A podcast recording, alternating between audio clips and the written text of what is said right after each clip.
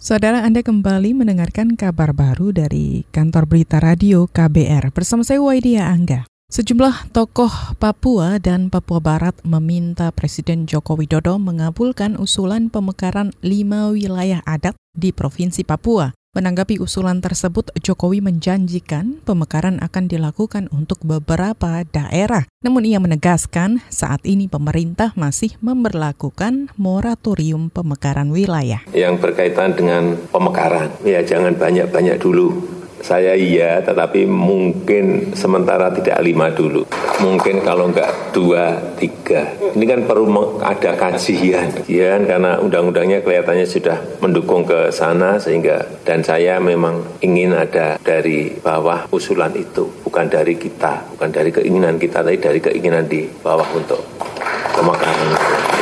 Jokowi mengatakan pemerintah akan membuat kajian untuk memekarkan wilayah di Papua. Adapun tokoh Papua Abisai Rolo berkata usulan pemekaran lima provinsi tersebut sesuai dengan wilayah adat di Pulau Papua yang seharusnya ada tujuh, namun ia tak merinci nama wilayah adat yang ingin diajukan untuk pemekaran.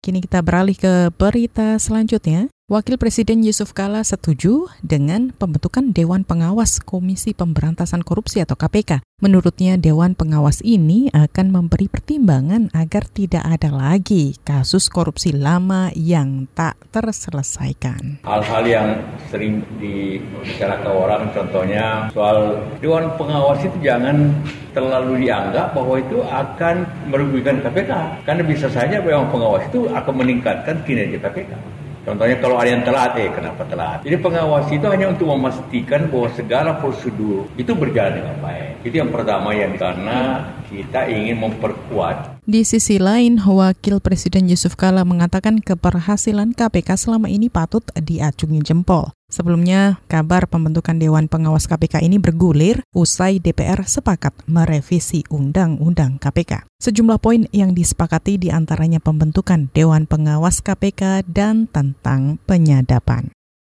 Berita lainnya, perwakilan pegawai KPK hari ini mendatangi DPR untuk mengirimkan surat yang berisi masukan untuk uji kepatutan dan kelayakan calon pimpinan KPK. Perwakilan pegawai KPK, Sulfadli Nasution, mengatakan KPK tidak ingin DPR memilih calon yang melanggar etik dan tidak patuh terhadap laporan harta kekayaan pejabat negara. Ini sebenarnya menindaklanjuti proses yang telah dilakukan selama ini dalam mengawal seleksi calon pimpinan KPK. Dan pada hari ini kami mengirimkan surat sebagai masukan kepada anggota DPR, kami kirimkan ke seluruh fraksi dalam rangka untuk juga uh, mengawal proses fit and proper test yang besok akan dan hari Kamis akan dilakukan di DPR ini.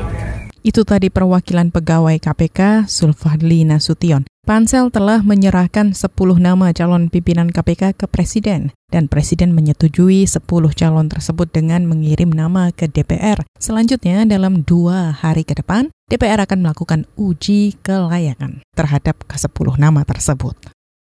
Kini kita ke berita selanjutnya. Badan Meteorologi, Klimatologi, dan Geofisika atau BMKG menyatakan enam kabupaten kota di Provinsi Aceh rawan terjadi badai angin kencang puting beliung. Kepala Seksi Data BMKG Stasiun Sultan Iskandar, Zakaria, menyatakan badai angin kencang terjadi karena adanya peralihan masa udara dari kemarau ke musim penghujan. Kalau di Teluk Semawe itu ada, kalau kita lihat peta itu ada sedikit seperti dulu lah. Ketika ada angin situ dia bisa berputar. Sedangkan untuk daerah Pidi Jaya itu dia lebih bersifat karena Kepala Seksi Data BMKG Stasiun Sultan Iskandar, Zakaria, mengimbau masyarakat untuk mewaspadai ancaman badai yang dapat terjadi secara tak terduga. Adapun keenam kabupaten kota yang rawan puting beliung meliputi Lek Sumawe, Aceh Utara, Biren, Pidijaya, Aceh Tengah, dan juga Benar Meriah.